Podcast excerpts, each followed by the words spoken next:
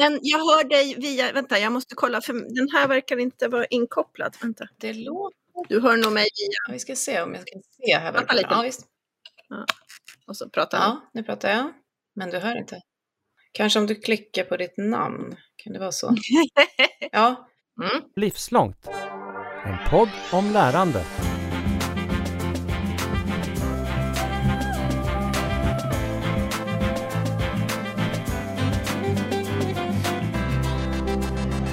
Jonna Bornemark, professor i filosofi på Södertörns högskola. Varmt välkommen till Livslångt och till mig, Katarina Pietschak. Tack. Så efterfrågad är du här. Jag tror till och med jag har gjort någon shout-out i eten om att vi så gärna skulle vilja ha dig här och vi har mejlats och nu är du här. Jag är så väldigt glad för det. Och varför är det så då? Om man är trogen livslångt lyssnare så vet man min dragning tror jag åt liksom filosofi och det mesta som är komplext och som har många perspektiv i svaren. Men vi som jobbar med lärande och kunskap ser ju också de här stora behoven av att vidga perspektiven. Så det är vad jag har längtat efter att prata med dig om bland annat. Jonna. Mm, vad kul. Men jag tänkte vi börjar som vi alltid gör här. När du får frågan, vem är du Jonna? Vad svarar du då? Det beror ju faktiskt på i vilket sammanhang som jag får den frågan. Om det är ett professionellt sammanhang så är jag professor i filosofi. Eh, om jag är med mina barn så är jag Junias mamma. Om jag är i stallet så, är jag Kajas eh, människa. Eh, om jag är nere i sjön så är jag mörtarnas människa. Jag, jag blir ju faktiskt olika i olika sammanhang. Men på något sätt så ser jag mig nog som filosof lite oavsett. Även som mamma, även som hästmänniska och även som mörtmänniska. Och hur blev det så? Vad tog dig dit där du är idag? Hur blev det filosofin som drog dig? Ja, för att jag nog har bejakat det där med att filosofi kan liksom inte bara vara uppe i huvudet eller bara vara en teori. Utan det handlar om hur man lever, eh, vilka värderingar man har, hur man vill förändras, hur man vill att samhället ska förändras, hur, eh, vad det är att le leva, att fortsätta undersöka det. Och om man undersöker det så måste man ju göra det i hela livet. Liksom. Det kan inte vara som att eh, man sätter på någon sorts professionalitet och undersöker vad livet är eh, mellan åtta och, och fem. Och sen går man och bara lever på, på rutin. Och det är klart att jag lever på rutin, annars skulle man ju inte överleva. Men, men det måste liksom hela tiden få finnas med en aspekt av att man undersöker. Och när du beskrev de här olika jagen eller olika presentationerna av hela dig. Eh, jag kan känna att det är väldigt eh, skönt att träffa människor som har en genuin känsla av att allt det där finns ändå alltid med. Även om jag är här mm. är professionell eller här fiskar mm. eller vad jag nu gör så. Mm. Hur känner du att allt hör ihop för dig? De, de, det blir ju så lite automatiskt eftersom jag pratar, alltså alla mina teorier eller liksom abstrakta tankar och så, de måste hela tiden knytas till vad jag gör, vem jag är, mina relationer, vad jag blir i de relationerna. Så att um, det innebär ju att alla de där relationerna kommer med i det teoretiska arbetet eller när jag skriver eller när jag föreläser och liksom ändå befinner mig i en mer abstrakt värld. Så på det sättet mm. så, så, går de ju inte att skära av. Och omvänt också, när jag är i stallet så har jag ju med mig alla de tankarna och kan få liksom stöd av det i, i mitt handhavande av, av eh, en tvåårig eh, Kiger Mustang. Förstår. Om någon i stallet eh, som kanske inte ägnar sig åt filosofi dagligen skulle fråga, vad är filosofi? Vad skulle du svara då? Mm då skulle jag säga att det är precis det kanske som är eh, frågan. Det, det, finns ju inte en definition eller någon färdig enkel formulering. Men jag skulle just därför vilja säga att det är ett brett undersökande av vad det är att leva. Eh, vad liv är, vad existens är, eh, hur man lever ett gott liv. Eh, hur vi lever och hur vi borde leva finns ju därmed liksom med i det. Mm.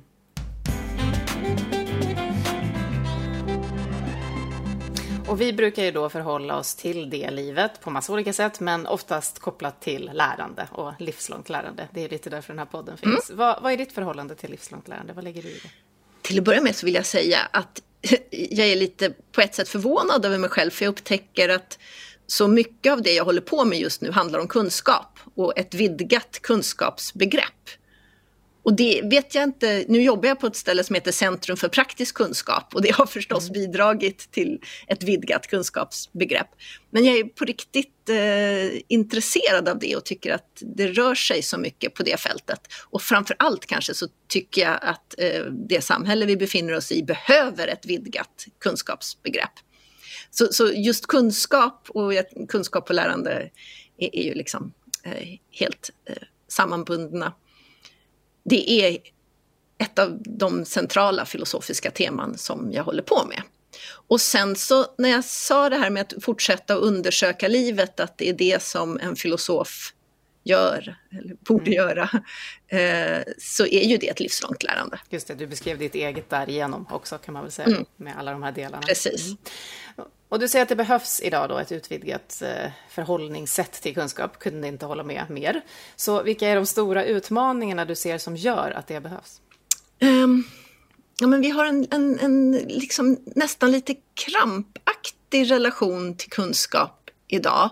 Dels så har vi ju eh, ett väldigt starkt behov över att ha kontroll och, och känna att vi äger kunskapen och man säger men det kanske inte finns någon objektiv kunskap om just det här så blir det en väldig frustration. Det känns som att vi nästan är mm. lovade att det ska finnas evidens för allt och när det inte finns så är vi misslyckade som människor på något sätt. Mm. Eh, och, och, det tänker jag är en del.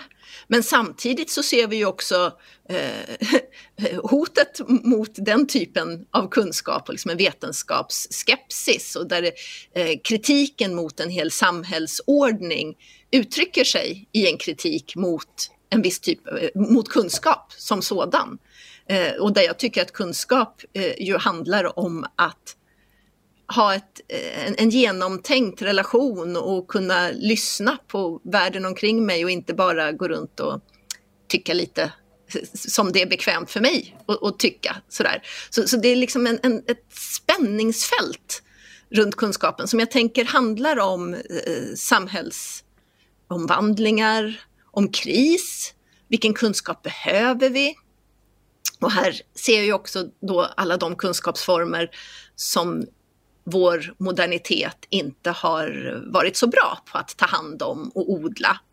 Och där jobbar jag ju med begrepp som omdömeskunskap, eh, situationsbaserad kunskap, att kunna hantera just den här situationen på bästa möjliga sätt för just de som är här just nu. Eh, och, och, alla våra sammanhang som vi hör till. Eh, kroppslig kunskap, hur man håller ett rum till exempel. Det är liksom en, en fascinerande kroppslig kunskap. För att bara ta ett exempel på den, som är extremt underverbaliserad. Vi, pratar, vi har ont om mm. ord för att eh, prata om kroppslig kunskap. Det tog mig också många år att förstå att jag hade en ja. sån. Så det är verkligen så att vi inte pratar ja. om det. Alltså apropå ja, att hålla precis. ett rum. Så. Ska man spela in en podd så måste man hålla ett rum. Som jag liksom här blir inbjuden ja. till. Och så känner jag så här, men vad kan jag säga här? Hur liksom funkar det här? Och det är du som håller det. Så. Um, mm. Men också emotionell kunskap. Vi, vi lever i en tradition som har velat separera känslor eller sätta det i konflikt med förnuftet. Känsla eller förnuft har blivit eh, någon sorts utgångspunkt nästan. Att ja, men nu tar du bara till känslor, nu måste vi vara förnuftiga. Men den intressanta relationen mellan dem är ju att fundera på, men vad säger den här känslan? Varför känner jag så? Inte bara låta sig svepas mm. med i den, utan eh, titta på vilket kunskapsinnehåll som finns i känslan. Det kan säga något om mig, det kan säga någonting om sammanhanget, det kan säga någonting om dig. Det, ja, det finns mm. väldigt mycket kunskap i känslor och när vi tänker att nej men det är bara känslor, de ska vi bara göra oss av med, då blir vi helt enkelt dummare. Då missar vi en kunskapskälla. Ja, och du pratar också om att lära, i mitt huvud blir det till det då, med alla sinnen. Och mm. det är ju någonting som också en del blir väldigt stressade av när man försöker ja. initiera det till exempel. Ja. Men att det är en sån viktig del. Mm. Precis, och ett sin, en, en sinnlighet som vi är så tränade på att vara i abstraktion och i liksom det generella. Så vi är rätt dåliga på att vara närvarande i eh, våra sinnen. Och, och, med vi här menar jag någon sorts eh, senmodern eh, kultur. Eh, och ju mer utbildning vi har, desto bättre är vi att vara uppe i huvudet. Så det här mm. hänger ihop med liksom en kroppslig kunskap av eh, att eh, faktiskt kunna lyssna med våra sinnen och inte bara stoppa in de sinnliga intrycken i redan färdiga kategorier. Alltså kunna låta sinnligheten överraska oss. Här, va, va, Hur kan det vara när vi stoppar in det i färdiga kategorier? Hur tenderar ja, men, vi att göra? Jag, jag, har ett exempel som är lite halv äh, märkligt kanske. Men äh, det var ganska länge sedan när jag bara var 20 någonting och bodde i ett hus äh, för första gången och ja, det var väl inte första gången som jag hade en dusch jag behövde ta hand om, men det blev stopp i avloppet i den där duschen. Och jag behövde um, rensa det. Uh, och, och, jag lyfte på golvbrunnen och så kom det en stank mot mig som gjorde att jag så här, ah! ja. kastade mig bort och bara fy usch, det där uh, var jobbigt uh, eller obehagligt. Men sen så ganska på en gång så slogs jag av, men vänta nu, hur luktade det där egentligen? Vad var det för någonting? Och så gick jag tillbaka och så luktade jag på det och det intressanta var, som jag blev liksom så fascinerad av, var att um, ryggmärgsreflexen som är någon sorts Ja, men det är också en, en, kroppslig reaktion, men det är också liksom en förväntan på att det där är äckligt. Det här hör till kategorin äckligt och det ska jag bara bort ifrån och den här lukten signalerar äckligt. Men när jag bara satte lite parentes runt det eh, och gick tillbaka och luktade på hur det faktiskt luktade, ja, men då försvann den där äckelkänslan på en gång. Och istället så kände jag en massa lukt, det luktade ganska komplext och, och på alltså det var en massa olika lukter inblandat Intressant, i det där. Ja. ja. och då tänker jag att vi ofta både eh, det där som kanske är en, en kropp, rent kroppslig reaktion, men också en massa normer som säger att det där är, är vet jag vad det är och stoppar in allting i liksom sitt mm. fack. Mm. Och ju, vi kan ju inte leva utan att göra det. Det skulle bli otroligt jobbigt att ha en sinnlighet som var så här upptäckande i varje ögonblick. Det skulle ta enormt mycket energi. Men åtminstone ibland öppna upp den där sinnligheten och åtminstone ibland undersöka, men vänta nu, vad var det här för något egentligen? Är en häst verkligen det jag alltid har trott att en häst är? Kan jag kanske uppfatta den här hästen och vad den gör på ett annat sätt? Mm.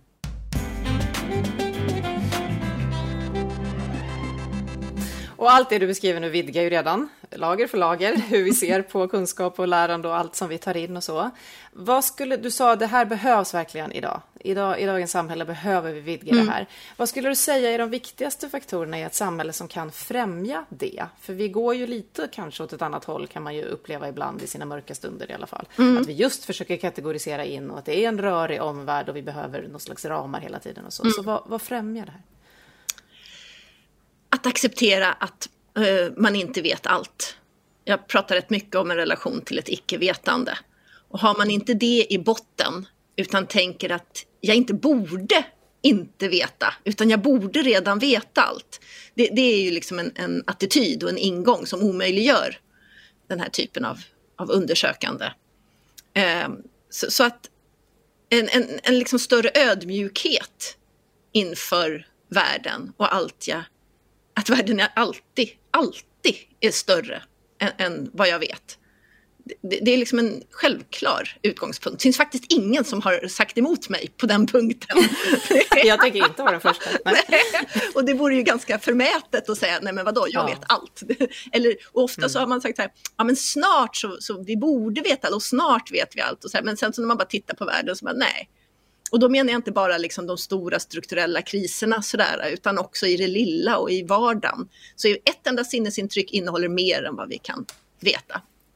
Mm. Eh, nu, nu irrade jag nog bort mig lite här. Eh, frågan var hur, vad, vad, vi ska odla. Vad som främjar, ja, jag tänker också för samhället då. Hur kan vi liksom ja. skapa space för det ja. där icke-vetandet? Precis, och för en, ett sinnligt emotionellt undersökande. Ja, jag vet inte om skolan är så himla bra på det här till exempel. Det, det är lätt, vi skulle komma till den snart. Ja, mm. det, det, är lätt att hamna i, i, skolan förstås, för att det är där vi ändå eh, tänker oss att någon sorts grundläggande lärande ska ske. Och skolan, ja, men i ett ämne som eh, bild, så har, ska man ha de högsta betygen så handlar det om att verbalisera och analysera och vara rätt mycket uppe i en abstrakt och eh, generell och verbaliserad eh, intellektuell kunskap. Och den kunskapen är jätteviktig. Men det kanske inte är den som ska vara i topp på, i alla ämnen. Utan mm. i bildämnet kanske det ska få liksom räcka långt och ha en eh, sinnlig kunskap i relation till färg och form och ett undersökande och experimenterande i det estetiska, i det sinnliga. För det stryker lätt på foten. Och samma sak gäller ju ja, men idrottsämnet där jag tycker man skulle prata mer om kroppslig, eller fundera mer kring liksom kroppslig kunskap utan att göra det abstrakt utan liksom utöva olika typer av, av kroppslig kunskap utan att det hela tiden är verbaliseringen av det som är det som eh, spelar roll, som, som ger betyg. Mm.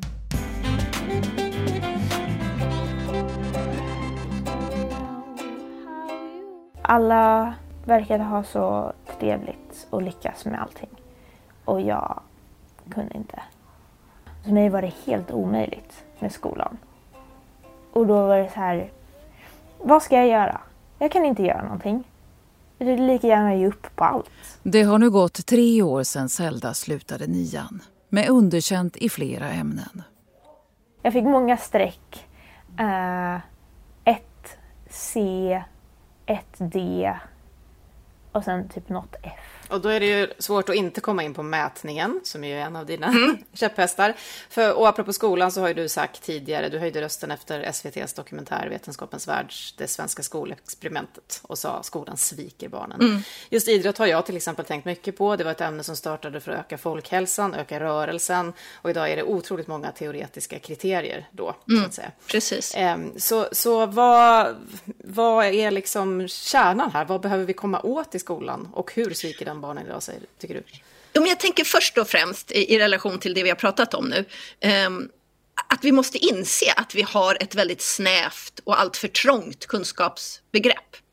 Och att kunskap inte bara bor i det abstrakta och generella. Och, och det tänker jag är ett, en första liksom insikt, för vi har tänkt att det, det, är det där som är kunskap. Det är därför de kunskap, liksom kriterierna slår igenom i idrott och i bild och, och så. Mm. Um, och sen så måste, är det ju faktiskt så att det finns otroligt många människor som känner sig frustrerade över det och som har de här bredare eh, eller andra typer av kunskaper och skitduktiga i det. Mm. Mm. Och de måste vi då lära oss att lyssna på och, och ge utrymme till att liksom verbalisera det. Eh, och det här tänker jag också då gör att vi inte på samma sätt sviker barn. Alla barn har inte sin största begåvning i de teoretiska mm. ämnena. Så det blir sån snäv, snäva ramar för att lyckas när det är det som är det viktigaste, alltid. Och jag tänker att det är väl jättebra de som är begåvade åt det hållet, men har, är man lagd mer åt ett annat håll så måste det, man måste få vara olika. Vi, vi, har, liksom, vi premierar en sort. Det var mest jobbigt för de vännerna som jag hade utanför skolan. För de kunde börja gymnasiet och köra på och liksom gå på teatergymnasium och ha väldigt kul och liksom skämta med varandra. Medan jag orkade inte ens göra det. Orkade inte söka någonstans, jag orkade inte göra någonting. Zelda är långt ifrån ensam om sin situation. Runt 15 procent av alla niondeklassare går varje år ut nian utan slutbetyg i ett eller flera kärnämnen. Forskning visar att det ökar risken för ohälsa och arbetslöshet. Så vad upprörde dig mest när du såg den där dokumentären? Ja men faktiskt så, så eh, blev jag upprörd över eh, en standardisering och manualisering av kunskapen där ungarna liksom måste Eh, ja, men dels, eh, nu har de ju försökt mildra det, men de här galna betygskriterierna, att du får inte misslyckas en enda gång för då eh, sätts betyget efter det. Liksom. Det är helt, det är helt det är omänskligt. Och sen så också, ja men det kan vara, du, du, måste bocka i alla, du måste liksom göra alla de här punkterna och då blir det en miljard små inlämningsuppgifter. Och skriver de inte på precis rätt sätt så kommer de tillbaka. Och det kan bli liksom ett berg av saker mm. som ska utföras precis på det sättet läraren vill så att läraren kan checka av varenda punkt. Vilket liksom driver utmattning och depression och dåligt självförtroende. Mm. Så att jag tycker faktiskt att vi haft, jag, jag har sett det själv i, i min närhet, eh, riktigt omänskligt system. Ingen vuxen skulle liksom köpa och, och gå in i det där. Utan det blir misshandel av eh, ganska stora elevgrupper. Mm. Ja, jag tycker det är fascinerande när skolor satsar på psykisk hälsa och det är mycket prat om sömn och rörelse och sådana saker som förstås också är viktiga. Men ja. den här aspekten är svårare att ta. Ja, och här finns ju en press liksom hela vägen om allt ska vara check, check, check. Vi gör liksom manualer av allting, checklistor och ska liksom ha siffror eh, på allting. Hur, hur, många rätt var det här? Är, är den här gjord?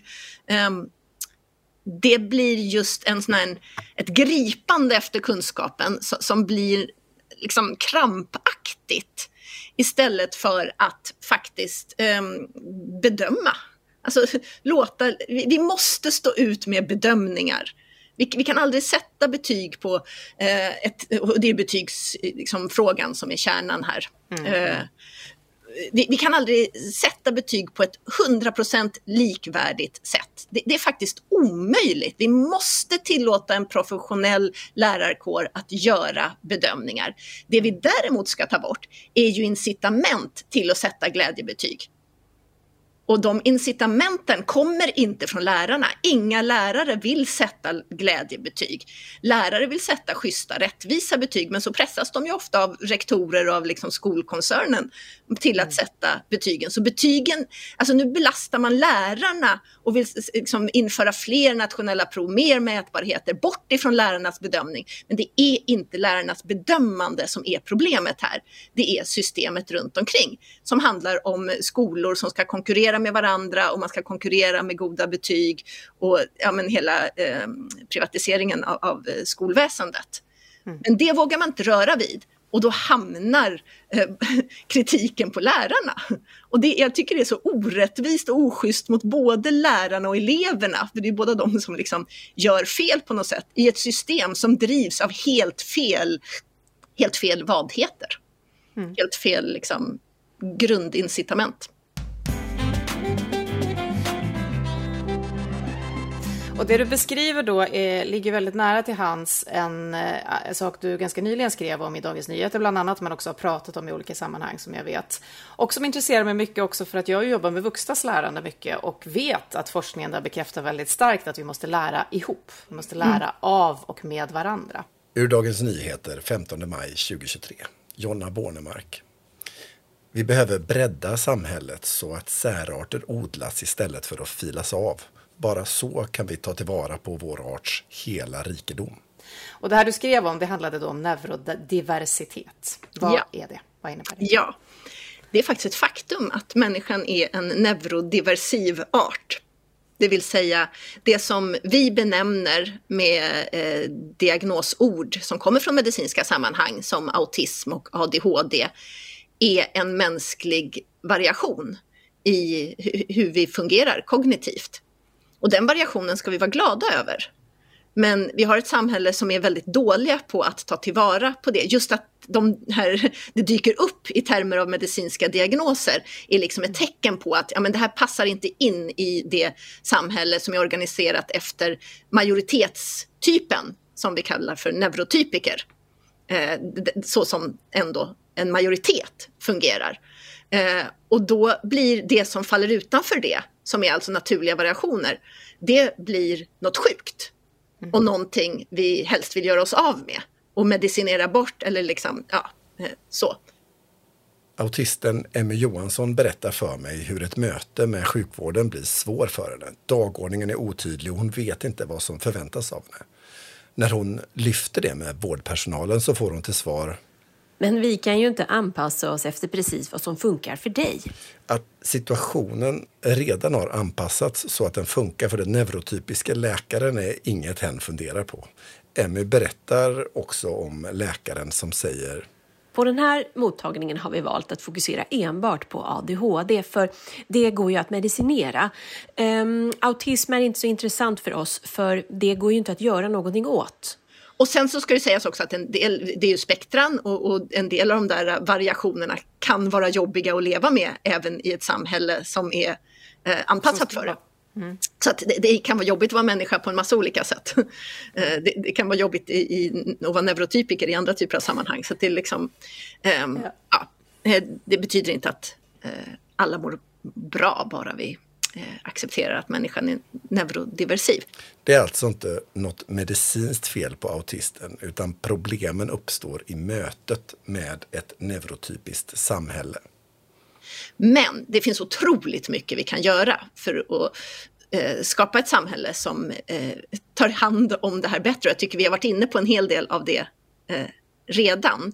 Men eh, problemet här är ju att vi uppenbarligen går mot ett snävare och snävare kunskapsbegrepp. Om, om man ser eh, lite bakåt också så har det funnits lite andra vägar för eh, personer med, eh, som hör till olika neurominoriteter. Då. Um, men, och jag tänker att det är det som är anledningen till att vi ser mer och mer av de här diagnoserna. Är att om vi är på ett spektra, jag är inte säker på att vi, det finns fler autister eh, längst ut som är liksom eh, mycket eh, långt ut i det spektrat.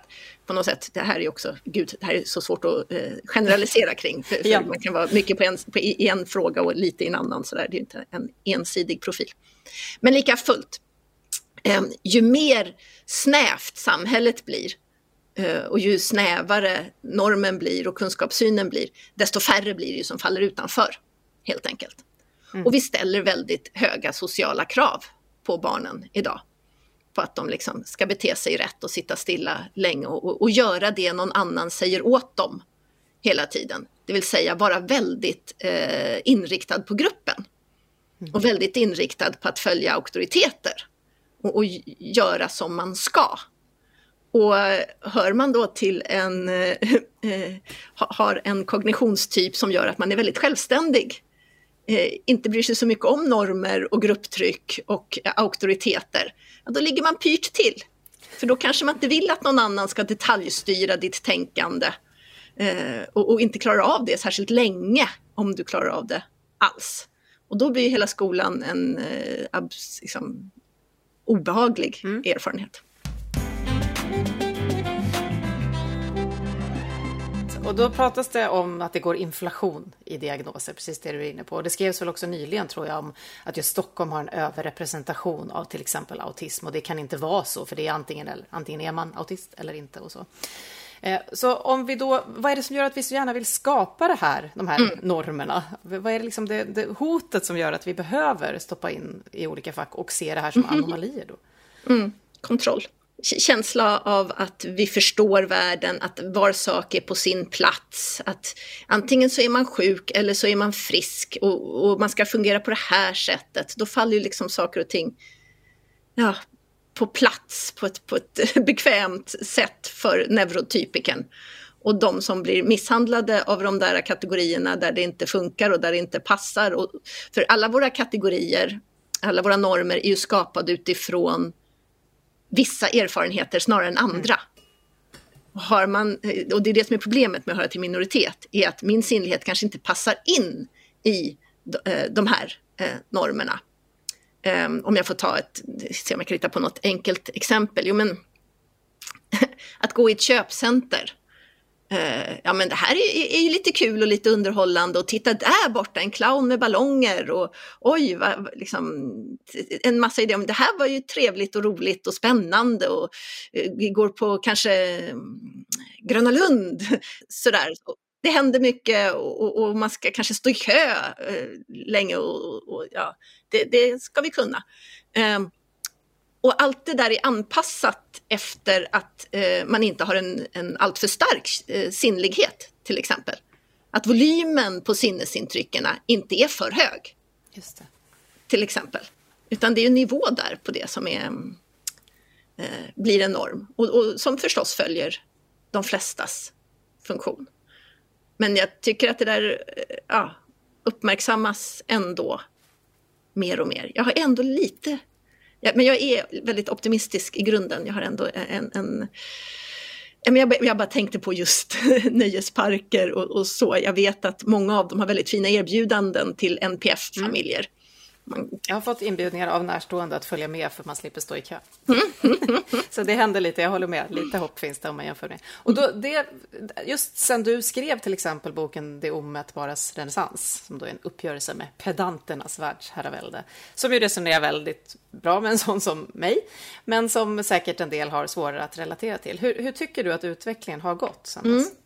Jo, men det är intressant för att kritiken mot eh, det som vi kallar för New Public Management, låt säga ett eh, mål och resultatstyrning där ekonomin har väldigt stort inflytande och allt just ska vara i eh, helst i köp och säljbara kategorier, men allt ska i alla fall vara i mätbara kategorier eh, på ett eller annat sätt. Eh, och där väldigt mycket av sånt som omdömeskunskap blir helt osynliggjort och man helst ska följa en manual för att göra sitt jobb så, så bra som möjligt. Den kritiken tycker jag att det finns en mycket större medvetenhet om. Det, det är lite kul, i, i den boken så skriver jag om förpappring. Och mm. I början när jag var ute och föreläste och, och nämnde något sånt som förpappring, då, då, blev det lite så här fnissigt. Och det blev nästan som att oj, får man kritisera det? Kan man kritisera det? Ja, det stämmer ju liksom. Att det, att det, sådär. Och, så, eh, och sen några år senare när jag använde det ordet, då blev folk arga över att, mm. eh, ja inte på mig, utan eh, över att vi, fort, att, att, vi befinner oss i den här förpappringen och att det är viktigare att det står rätt i papprena än vad som egentligen hände eh, i, i den här yrkes, yrkesutövningen. Och nu så tycker jag att ja, men det, det finns ett eh, nya liksom, krav på eh, evidensbasering och manualisering som snävar av Eh, och, och stänger för omdömesutövningen. Och här är min viktigaste poäng också att det är inte så att det är evidensen det är något fel på.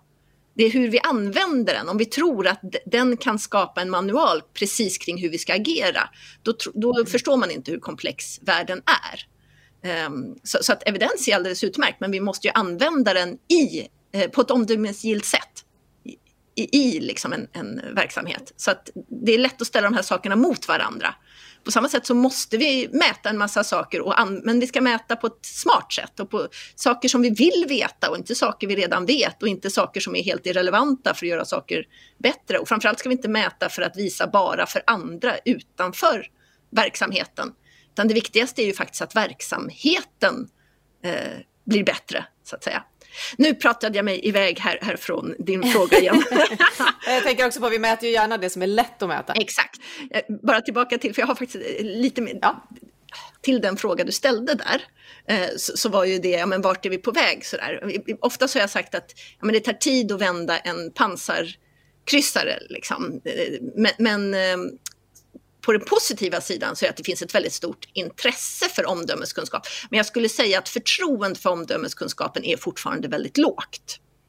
Och att det mm. liksom på ett sätt förstår man i ledning och så att det där är viktigt, men samtidigt vill man ju att alla gör precis likadant. Och, och det är lite läskigt att lita på sin personal.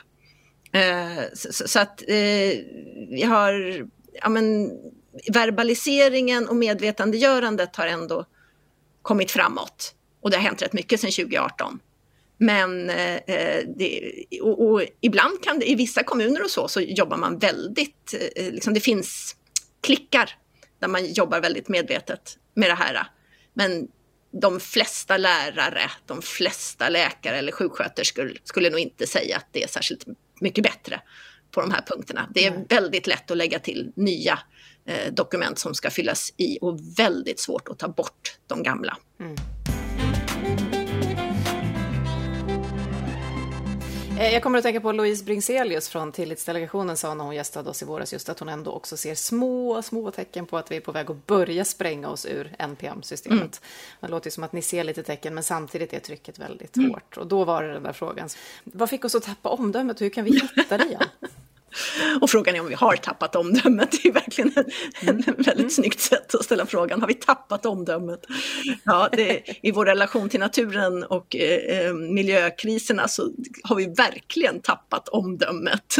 Eh, mm. och, och, och det tänker jag beror på att man inte orkar ta in hur läget är.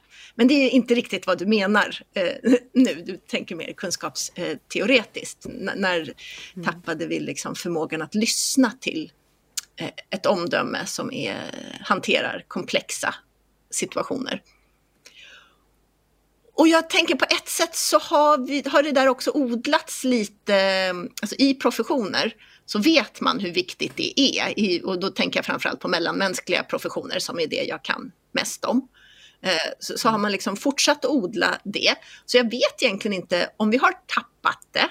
Men eh, det är sällan vi har eh, infrastruktur för att utveckla det och utbilda det. Så förtroendet i, från ledning och, och ifrån liksom, eh, där vi har makten, alltså makten mellan kunskapsformerna. Eh, där har omdömeskunskapen väldigt, eh, där har den tappat mark. Och jag tror att det är för att vi tappat ord för det. Vi har liksom, och, och, och vi har, alltså omdömeskunskapen kan aldrig ge kontroll. För, för, vi måste acceptera att världen är större. Och, och då förlorar den mark. Vi har ett fantastiskt eh, krav på kontroll. Um, så, så, att eh, på det sättet så har eh, omdömeskunskapen tappat mark. Um, jag skulle säga att det kanske har pågått sedan 1600-talet och, och, framåt. Jättesvårt, liksom, det är så stora historiska rörelser. Eh, mm. Men eh, den har också odlats hela tiden, för mellanmänskliga yrken till exempel fungerar inte utan det.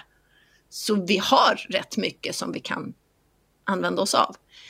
Även om, och det här är ju eh, eh, lite läskigt, en, eh, eller chefen för Skolverket vid ett tillfälle sa att han var rädd att vi nu har odlat en organisation med lärare som inte tror att de har något omdöme. Utan som frågar efter nästa manual och som inte tänker att omdömesutövning hör till yrket.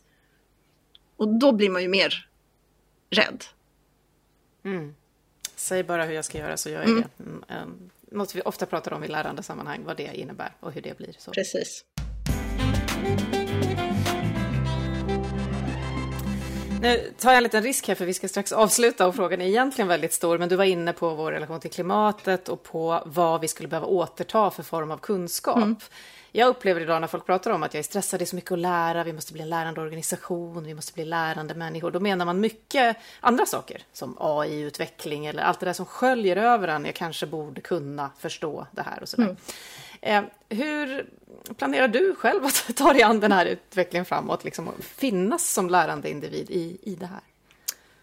Um, ja, men jag, jag har absolut ett AI-intresse, men um, jag vet inte om det, det får lite grann komma som det kommer.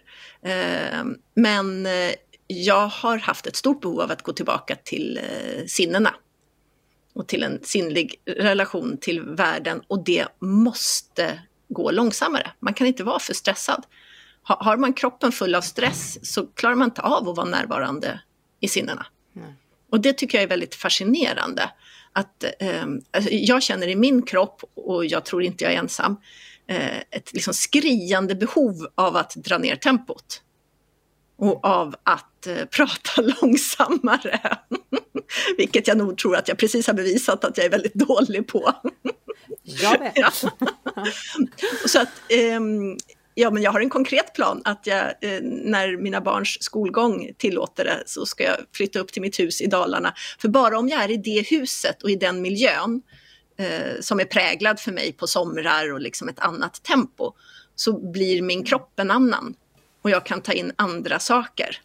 Eh, och det, vet jag är liksom bra för mig. Så att helt enkelt tillåta sig, eh, när man har möjlighet, jag befinner mig i en sån lycklig situation så att jag har den möjligheten, eh, att, att alltså det är inte bara Ehm, att jag måste välja bort eller jag måste göra mindre för att sänka tempot, utan det handlar också om var jag är och vilka mm. jag spenderar tid med. Och för mig så är det väldigt fruktbart att tillbringa tiden med andra arter än människan.